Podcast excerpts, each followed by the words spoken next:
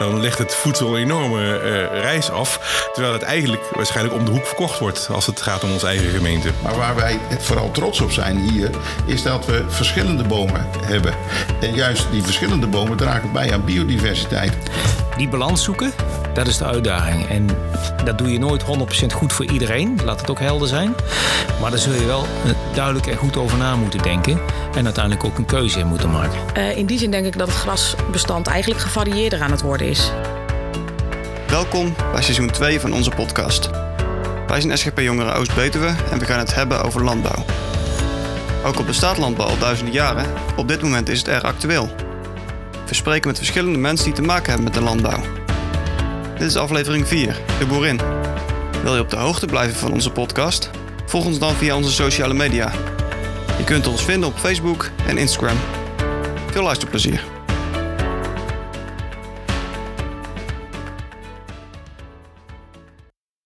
Welkom bij seizoen 2 van onze podcast. Wij zijn SGP Jongeren Oost-Betuwe en we gaan het hebben over landbouw. Ook al bestaat landbouw al duizenden jaren, op dit moment is het erg actueel. We spreken met verschillende mensen die te maken hebben met de landbouw. Dit is aflevering 3. Het raadslid. Wil je op de hoogte blijven van onze podcast? Volg ons dan via onze sociale media. Je kunt ons vinden op Facebook en Instagram. Veel luisterplezier. Nou, welkom bij deze podcast. We zijn hier bij Peek en Fokker in Herveld. En we zijn hier op de boerderij in het kantoor. Mevrouw uh, Peek, kunt u zich misschien even voorstellen? Ja, dat kan ik. Ik uh, ben Corine Peek. Ik ben uh, 38 jaar oud. Ik uh, ben getrouwd met John en wij hebben twee kinderen. Sven van 11 en Renske van 9. Um, ik heb een studie gedaan aan de Erasmus Universiteit in Rotterdam. Dus bedrijfskunde, dus eigenlijk helemaal geen agrarische opleiding. Maar ik ben geboren en getogen op een melkveebedrijf. En nou ja, daar werken en wonen we nu nog steeds. En uh, naast ons werk hier op de boerderij in de Zuivel ben ik ook nog bestuurslid bij onze Zuivelcoöperatie. En het is natuurlijk het bedrijf Peek en Fokker. Uh, kunt u daar iets meer over vertellen? Waarom is dat zo? Nou, ik, uh, mijn meisjesnaam is Fokker en ik ben dus getrouwd met John. En John heet Peek, dus vandaar uh, aan één kant Peek en Fokker. Maar daar zit wel een iets grotere historie eigenlijk. Of historie, nee, het is eigenlijk nog niet zo lang. Maar mijn man heeft gezondheidsproblemen en daar zijn we in 2017 achter gekomen. En mijn ouders woonden in Utrecht. Daar komen wij oorspronkelijk ook vandaan. En wij zijn in 2007 dus op deze boerderij gekomen. Mijn ouders hadden op hun locatie ja, was een verouderd bedrijf en ook geen opvolging direct voorzien. En nou, wij lepen hier dus tegen ja, de gezondheidsproblemen van mijn man aan. Dat we zeiden van ja, hoe gaan wij met ons bedrijf verder? Hoe uh, ontwikkelt zich dat naar de toekomst? En toen hebben wij eigenlijk uh, de keuze gemaakt om mijn ouders te vragen om met ons te gaan samenwerken. Uh, zij hebben hun locatie verkocht en wij hebben hier, ja, jullie kunnen dat zien vanuit kantoor, we hebben een dubbele stal staan. En de linkse helft voor jullie is uh, in 2018 erbij gekomen, omdat we het bedrijf dus van mijn ouders hierbij ingevoegd hebben. En vandaar dus Peek en Fokker. Nou, duidelijk. Mooi verhaal al in het begin. Dankjewel. En dan om gelijk bij het heetste hangijzer uh, te beginnen, het stikstofverhaal. Uh, Treft dat jullie ook? Ja, vroeg of laat gaat het ons raken. maar hoe precies is eigenlijk nog heel onzeker. er ligt een kaartje van minister Van der Wal. En die heeft eigenlijk gezegd van ja, de uitvoering komt bij de provincies terecht. Uh, de provincies moeten een gebiedsgerichte aanpak schrijven. En hebben aan de andere kant, uh, merk je in ieder geval bij ons in de provincie, dat uh, er ook wel wat op- en aanmerkingen zijn op wat is gelanceerd, zeg maar landelijk. Um, ons bedrijf ligt gelukkig uh, niet in de directe nabijheid van een Natura 2000 gebied. Wij zitten in een straal van 5 kilometer, dus dat is op zich in die zin relatief gunstig. Uh, maar kijk je eigenlijk naar het kaartje van Van der Wal, dan zitten wij wel met een 12% reductie. En onze naaste buren met 47%. Dus in die zin kun je eigenlijk niet bepalen van nou, wat gaat het nou doen, wat gaat het worden, welke kant gaat het uit. Uh, dus eigenlijk is het nog helemaal niet te zeggen wat het voor ons gaat betekenen. En dat maakt het ook wel lastig, vinden wij. Uh, wij zijn in 2020 met onze boerderijwinkel gestart, eind 2020. En uh, daar heb je een investering voor gedaan. En uh, je hebt met elkaar een stukje visie ontwikkeld over hoe je daarmee verder wil en wat je belangrijk vindt. En uh, we hebben gezegd van nou, daar gaan we maar gewoon mee door. We, hebben, we zijn dat pad op gegaan, dus dat vervolgen we. En linksom of rechtsom zullen we best nog wel wat aanpassingen moeten doen wellicht. En dan moeten we maar kijken hoe we daar handen en voeten aan kunnen geven. Daar is eigenlijk op dit moment gewoon nog helemaal niks over te zeggen. Dus voor nu, korte termijn, hè, gaat het gewoon door, loopt het door ehm, zoals het loopt. En uh, voor de langere termijn moeten we gaan kijken uh, welke kant het op gaat. Aan de andere kant vragen wij ons ook wel af van ja, um, hoe groot is het stikstofprobleem daadwerkelijk? Hè? Wij ademen allemaal stikstof in in de lucht, hebben nodig. We hebben stikstof nodig ook om onze gewassen te laten groeien. Um, en Nederland is van origine een hele vruchtbare delta. De natuur in Nederland is eigenlijk gemaakte natuur. Hè? De Veluwe is ontbost om in Amsterdam huizen te kunnen bouwen. Daar is de heide van ontstaan. De heide moet je begrazen om het schraal te houden. Uh, zeker in een vruchtbaar gebied als dat wij zijn. We hebben er uh, veel water in Nederland. Um, dus dat de natuur, als je die uh, niet onderhoudt, zeg maar, en dan uh, is dat mijn persoonlijke mening. Dat ik denk van ja, als ik over de Veluwe loop, zie ik maar heel weinig schapenkuddes. Ik zie eigenlijk nooit uh, affiches dat er gewerkt wordt om het af te plaggen. Uh, gelden die uit Europa komen voor de Natura 2000 gebieden zijn de afgelopen jaren besteed aan het vergroten van het areaal natuur ten koste van landbouwgrond. Um, dus wij vinden daar ook wel wat van. Ja, dat is al, uh, al wel duidelijk inderdaad. En die uh, problemen in de natuur uh, heeft misschien ook wel te maken met klimaatproblemen. Merken jullie daar in deze omgeving wat met van het klimaat of van de waterproblematiek? Um, nou ja, kijk, ik wil trouwens wel zeggen, wij stoten als agrarische sector wel stikstof uit. Hè. Dat wil ik niet ontkennen. Maar wij hebben ook wel heel veel gedaan de afgelopen jaren. Uh, we hebben ook 60% al gereduceerd. En als ik dan kijk van ja, hoe zit dat met klimaat, dan kom je eigenlijk op eenzelfde stukje. Um, uh, tijdens corona waren er geen vliegbewegingen, er was minimaal autoverkeer en de lucht was nog nooit zo schoon, publiceerde de NOS. En de boeren gingen gewoon door. Wij hebben uh, onze gewassen op dat moment moeten zaaien. Uh, de koeien gingen naar buiten. De kunstmest werd gestrooid en de mest werd uitgereden in die periode.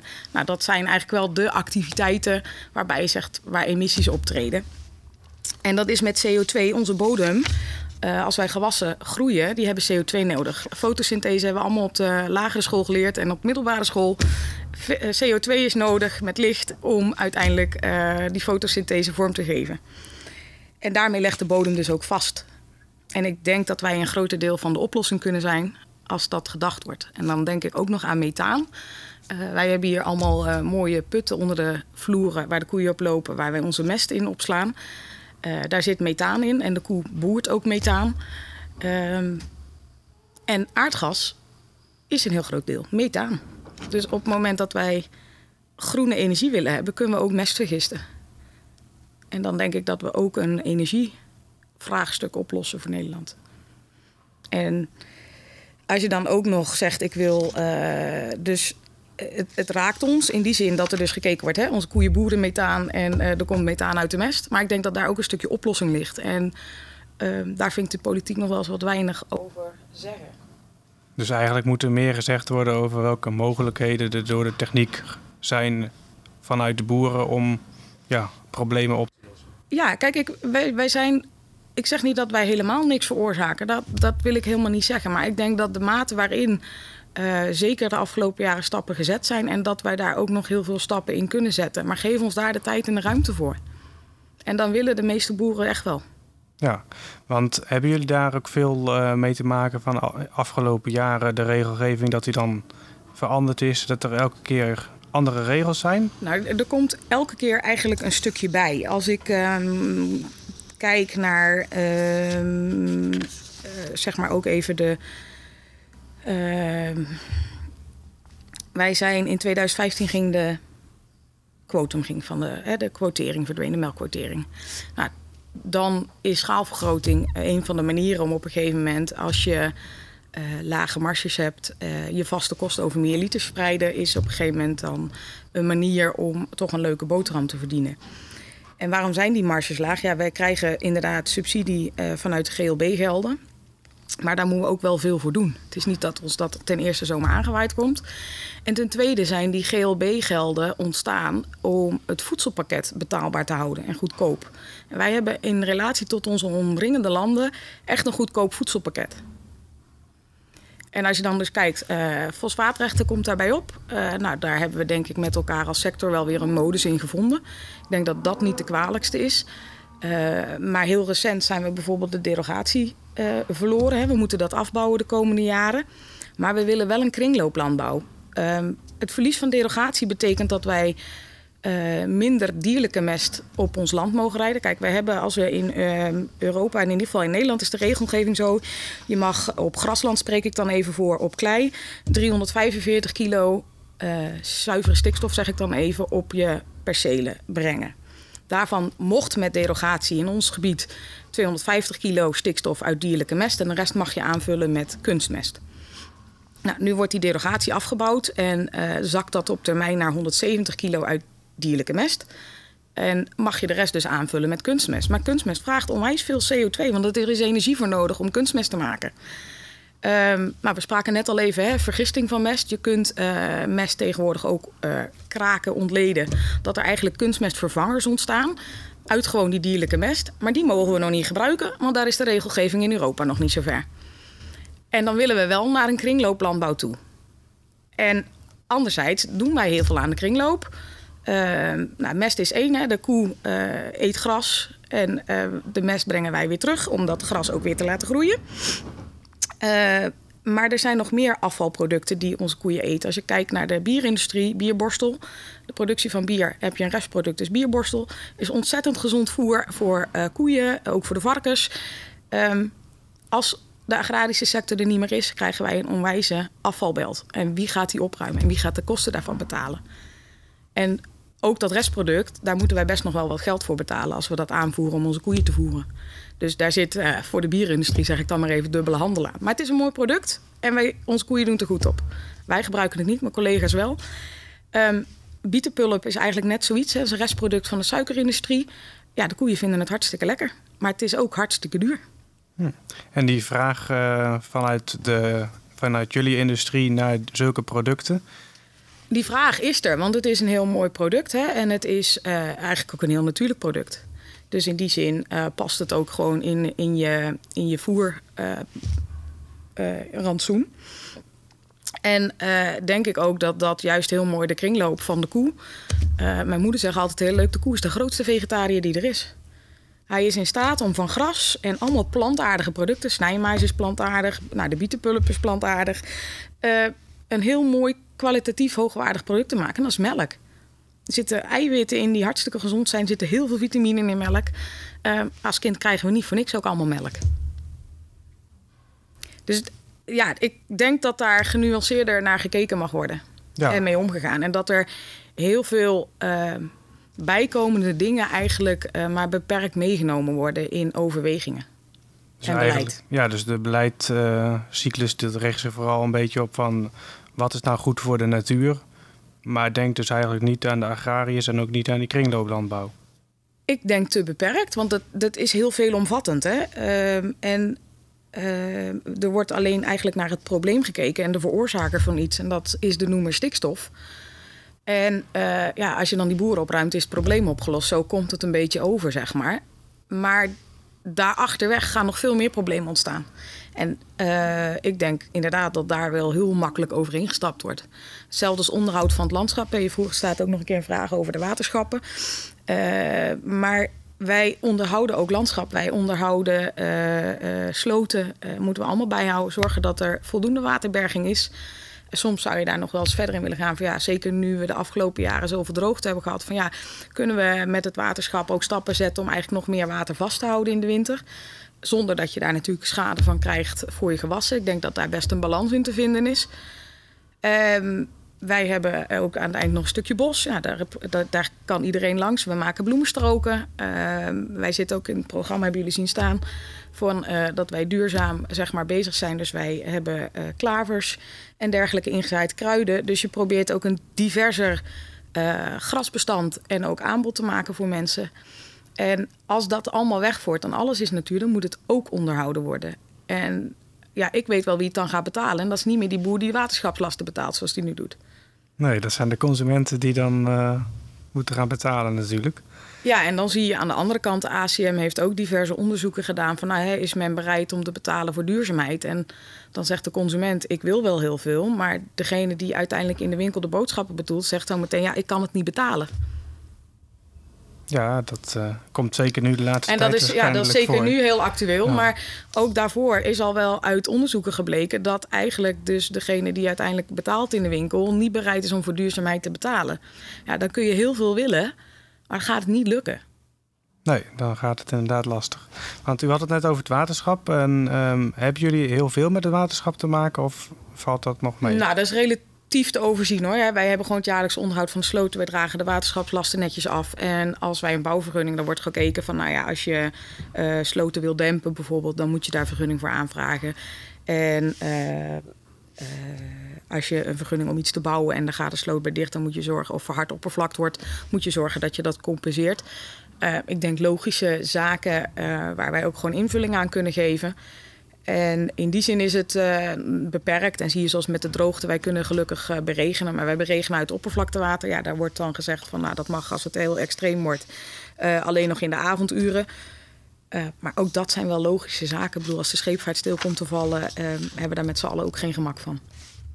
En hebben jullie ook te, te maken met de gemeente? Heb je daar ook veel van goede verhouding mee? Of hoe gaat dat? Ja, nee, met de gemeente gaat het op zich goed. Hè. Wij, wat wij tot nog toe allemaal gedaan hebben, hebben we altijd uh, positieve reacties op gekregen. Uh, bijvoorbeeld met de winkel. Nou, dat is natuurlijk uh, een stukje waar je een stukje nieuw, was een stukje buiten het bouwblok. Nou, zijn bij de gemeente eigenlijk op vooroverleg geweest. hebben uitgelegd wat we wilden doen. En men was daar heel enthousiast over en hebben eigenlijk vergunningen zo voor elkaar gekregen. Uh, is, we waren nog eventueel aan het kijken naar... Uh, je hebt ook uh, kleine windmolens van een ashoogte van 16 meter, zeg maar. nou, dat zou in combinatie met onze zonnepanelen... Kijk, als het waait, dan schijnt de zon niet en andersom. Eigenlijk best heel leuk zijn, zonder dat je heel veel overlast veroorzaakt. nou, hebben we bij de gemeente eens een keer aangeklopt. Uh, maar was eigenlijk nog geen beleid voor. We kennen ook iemand in de gemeenteraad hier, dus dan hebben we daar nog eens mee gebeld. Hij zegt van nou ja, stuur me wat informatie toe. Ik ga wel kijken waar ik het kan brengen. En we werden vorige week gebeld van nou, als we een aanvraag in zouden willen dienen, dan werd hij in ieder geval in behandeling genomen. Dus nou, dat vind ik uh, positieve ontwikkelingen. Um, we zijn aan de andere kant ook wel gewoon een plattelandsgemeente. Hè? Dus het is hier uh, in die zin denk ik ook wel ons kent ons een beetje. En um, denk ook dat de gemeente um, politiek anders aankijkt tegen ons agrarische sector als de landelijke politiek. Ja, ja, dat hoor je vaak, dat de plattelandsgemeenten ja, eigenlijk unaniem wel achter de boeren staan. Ja, ja ik, ik denk dat die ook beter zicht hebben op onze rol en functioneren binnen de maatschappij als dat men landelijk heeft. Ja, en u had het net over die boerderijwinkel. Is, ja. is dat ja, eigenlijk ontstaan omdat het moeilijker is om vanuit de veehouderij te leven? Of hoe... Uh... Nou ja, het is moeilijker om alleen van de veehouderij te leven. Ja, dat kunnen we wel, uh, wel zeggen. Je ziet dat er ook uh, steeds meer uh, uitgaven. nee, dat zeg ik niet helemaal goed. Er is steeds meer vreemd vermogen nodig. Hè, om, grond is duur. Maar je hebt wel grond nodig om je bedrijfsvoering op orde te kunnen houden en rond te kunnen zetten. Zeker de afgelopen anderhalf jaar zie je voerkosten stijgen, energie, kunstmest. Echt, kunstmest is echt heel duur geworden voor ons. Um, en vreemde arbeid wordt ook steeds duurder. Dus het is wel steeds lastiger. Maar goed, wij hebben wel het geluk dat we het hier met z'n vieren rondzetten. Uh, mijn vader is 70, mijn moeder 64. Maar die willen ook gewoon nog heel actief meewerken uh, met ons. En dat is gewoon super fijn.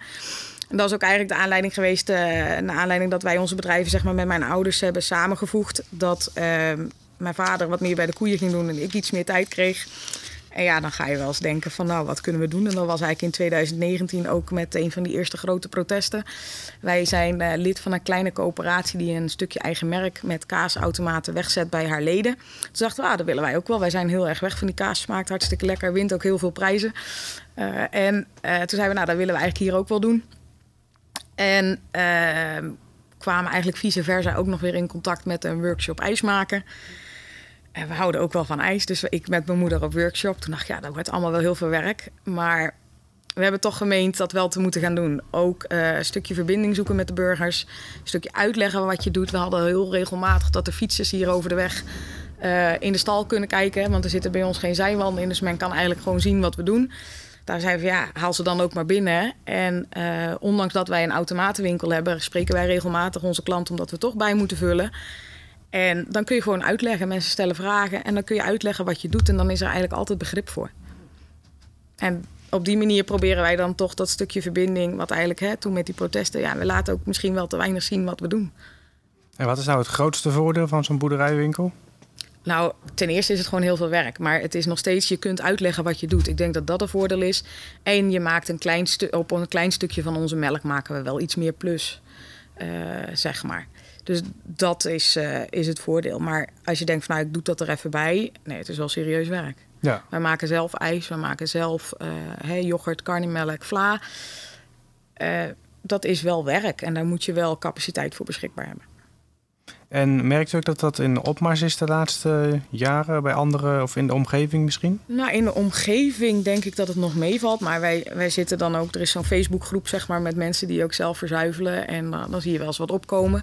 Maar de laatste tijd zien wij ook wel weer regelmatig mensen stoppen. Dus dat is, eh, ja, ehm, ook wel van, nou, hoe, hoe heb je het ingericht? Hè? Sommige mensen moeten het met personeel doen, krijgen het dan toch misschien niet helemaal rond. Ik kan daar niet over oordelen, ieder zijn persoonlijke situatie. Maar het valt ons op dat er ook toch wel weer mensen zijn die afhaken. Die met dat stukje zuivelen wel begonnen zijn. Oké, dus dat is, eh, ja, dat kan eigenlijk naar alle kanten op. Het, eh, Ja, ik denk dat dat persoonlijke afwegingen van hè, welke ondernemerskeuze maak je. eh, we begonnen net even, nou ja, verdien je. Nou, het is best wel hard werken om een boterham te verdienen. En we hebben nu een goede melkprijs, maar we hebben hem ook heel hard nodig als je ziet hoe hard de kosten zijn gestegen. En is het nou het boer zijn leuker geworden dan in de afgelopen 25 jaar? Het is in ieder geval heel uitdagend. En ehm, vroeger waren we, denk ik, en dan praat ik echt even net na de oorlog, hè, tot de jaren 80, 90. ehm, kon je met vakmanschap heel veel doen hè, als boer om je bedrijf eh, te runnen en ehm, eh, je, je koeien te verzorgen eh, en dat soort dingen. Maar er komt wel steeds meer ondernemerschap bij kijken. Dat maakt het leuk en uitdagend, want je bent echt ondernemer. En ehm, we worden vaak wel als aparte groep eh, behandeld als je kijkt binnen de KVK en eh, ook bij bedrijven. Ja, we hebben een agro en MKB. Maar in principe zijn wij net zo goed een MKB-bedrijf. Ja, alleen... Wij eh, kijken ook naar opbrengsten, kosten en proberen ook efficiënt te werken. En als ik dan nog even teruggrijp, ook in die kringloop van... eh, kijk, wij voeren onze koeien krachtvoer. Eh, de koeien eh, maken daar melk van en er komt mest uit, zeg maar. Maar we proberen de verliezen van die mest eh, en de emissie naar buiten... Ja, we willen dat dat bij het gras komt, op de bodem. Dus je probeert aan alle kanten je inputs te beperken... en je verliezen ook te beperken, want dat kost geld. In die zin verschillen wij denk ik niet van de doorsnee ondernemer. Iedereen probeert verspillingen en verliezen te voorkomen. Nou, dat is bij ons ook. Alleen is het ja, met vervluchtigbare stoffen niet altijd even makkelijk. Nee, en daarover gesproken van die stikstoffen op het land eh, uitbrengen. Is het nu zo dat er eh, vooral maar één soort gras wordt eh, gezaaid? Of omdat u net zei van we doen ook klaver Nou, en kruiden? denk- Hoe, Ja, en ik denk dat er wel wat een verschuiving in komt. Omdat je, nou, kunstmest ook duur is. Eh, de vlinderbloemige als luzerne en klaver... die halen ook stikstof uit de lucht. Dus die kunnen ook met minder dierlijke mest toe. Je ziet dat de laatste jaren toch wel wat, eh, wat toenemen. Ook eh, akkerbouwers die toch een akkerrand ook aanleggen... voor een stukje bloemetjes, en, maar ook bijtjes. Hè, insecten die daarop afkomen... die ook weer bij de gewassen heel nuttig kunnen zijn... Uh, in die zin denk ik dat de afgelopen jaren de diversiteit eigenlijk wat is toegenomen. Droogte helpt daar ook zeker bij. Uh, luzerne en klaver wortelen allemaal wat dieper. Uh, zijn dus beter bestand tegen droogte. Uh, in die zin denk ik dat het grasbestand eigenlijk gevarieerder aan het worden is. En is dat dan ook, heeft dat ook een positieve ja, impact op de natuur, uh, het natuurbeleving om het zo even te zeggen? Op de beleving van mensen denk ik sowieso. Uh, en dat hoop ik ook, want uh, dat helpt ook gewoon in een stukje waardering vanuit de maatschappij. Aan de andere kant is het ook wel een uitdaging om het goed in te passen in het rantsoen. Hè? Voederwaarde van klaver en luzerne is toch wel anders dan gewoon van Engels rijgras. je moet er iets anders mee omgaan, dus daar moet je mee leren werken. Dus dat zijn ook wel weer uitdagingen die het met zich meebrengt. Dus het is eigenlijk nog wel moeilijker dan op het eerste gezicht uh, lijkt. Nou, er zitten wel wat uh, overwegingen aan de grondslag, waardoor sommigen het wel doen en anderen niet, laat ik dat zo zeggen. Dus en uh, je moet bereid zijn om daar de tijd en moeite voor te nemen. En niet iedereen heeft die mogelijkheden. we hadden het net al over arbeid. Kijk, wij doen het hier met z'n vieren. We sparren veel. we zijn flexibel in de dingen die we doen. Uh, maar niet iedereen heeft zo'n situatie. En als jij in je eentje 120 koeien moet melken, heb je echt de handen wel vol. En uh, dan kan ik me ook voorstellen dat je zegt van nou ja, die uitdaging uh, om met mijn gewassen mee om te gaan, nou, die laat ik nog even voorbij gaan. Dat kan ik me heel goed voorstellen. Ja. En we hadden het net ook nog eventjes over de consument in de winkel die eigenlijk niet wil extra betalen voor duurzaamheid. Mm -hmm. Maar wat kan de consument nou wel doen om de ja, Nederlandse veehouders te steunen? Nou ja, koop lokaal en kijk ook in de supermarkten waar je producten vandaan komen. Ik, uh, in het voorjaar uh, komen de sperziebonen bijvoorbeeld uit Marokko. Ja, ik eet in het voorjaar geen sperziebonen. Dat komt altijd later in het seizoen.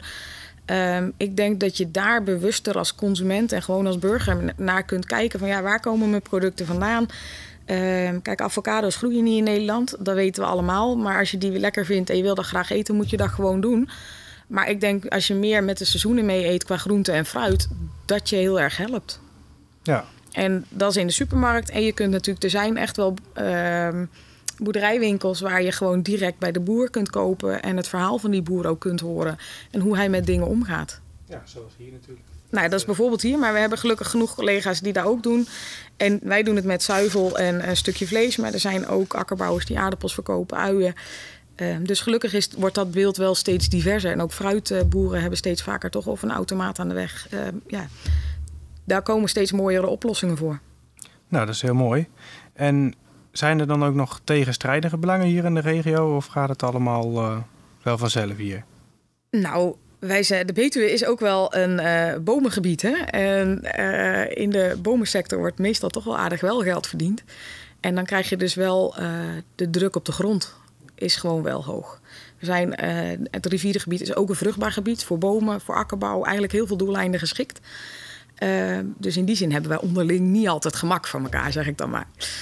En dan is het, uh, ja, wat kun je met elkaar doen en, uh, en wat niet, zeg maar. Er zijn zwaardere gronden bijvoorbeeld niet geschikt voor bomen. Nou, dan kun je wel weer goed gras telen. Nou, als we er op die manier met elkaar naar kunnen kijken, denk ik dat het kan helpen. En is dat ook nog een taak voor de gemeente wat u betreft, om daar wat meer in te sturen? Ik weet niet of je echt op onderne ondernemersstoelen moet gaan zitten als gemeente. Ik denk dat je daar ook voor op moet passen.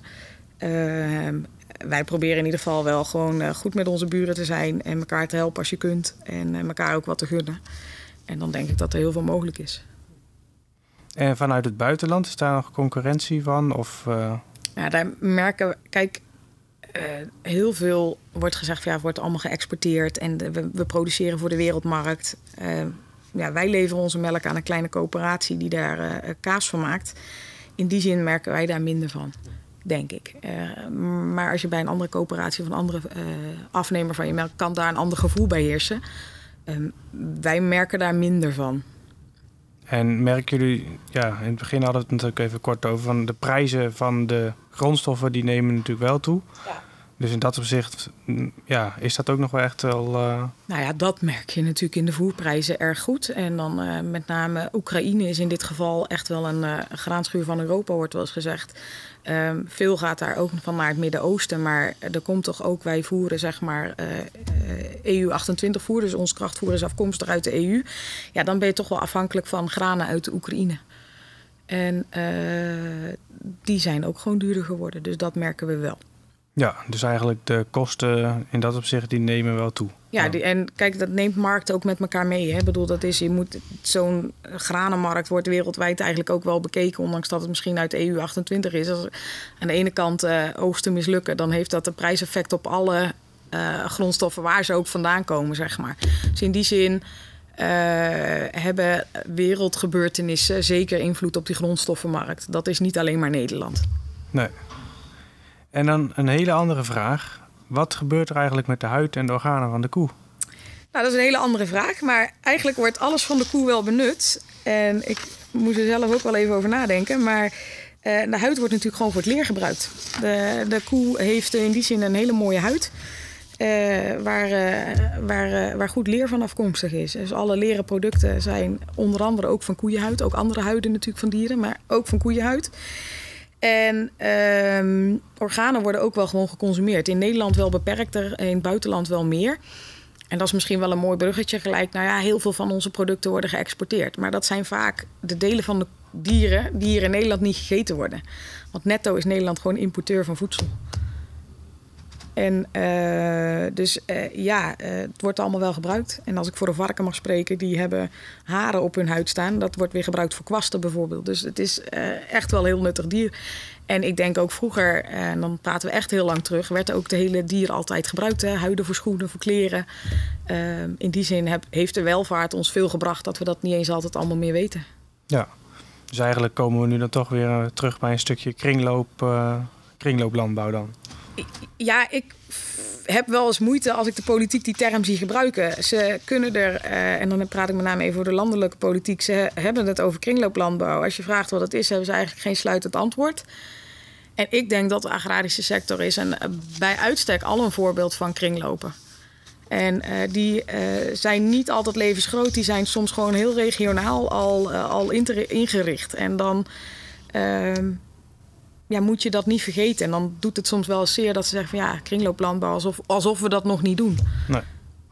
Maar dat doen we al heel lang. Nou ja, over heel lang uh, gesproken. Wat is de toekomstvisie wat u betreft voor de veehouderij?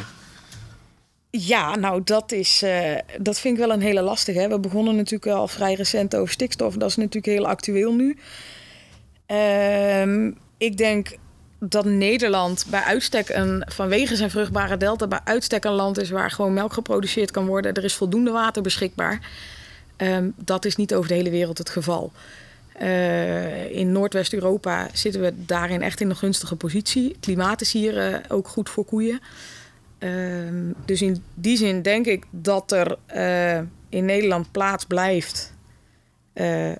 Ja, of de plaats blijft, zal moeten blijken. Maar ik denk dat wij wel een gebied zijn waar gewoon goed ook veehouderij bedreven kan worden, zeg ik dan maar even. wat goed bij ons klimaat, cultuur of, ja, past. Maar of het ons gegund is, zal de tijd denk ik leren. En dat maakt op dit moment ook wel van ja, je moet wel je best doen om positief te blijven en de zon in het water te zien blijven schijnen. Want dat, dat is soms best complex. En dan denk ik dat wij nog een mooie uitgangssituatie hebben uh, door de stappen die we de afgelopen jaren hebben gezet en dat we een NB-vergunning hebben.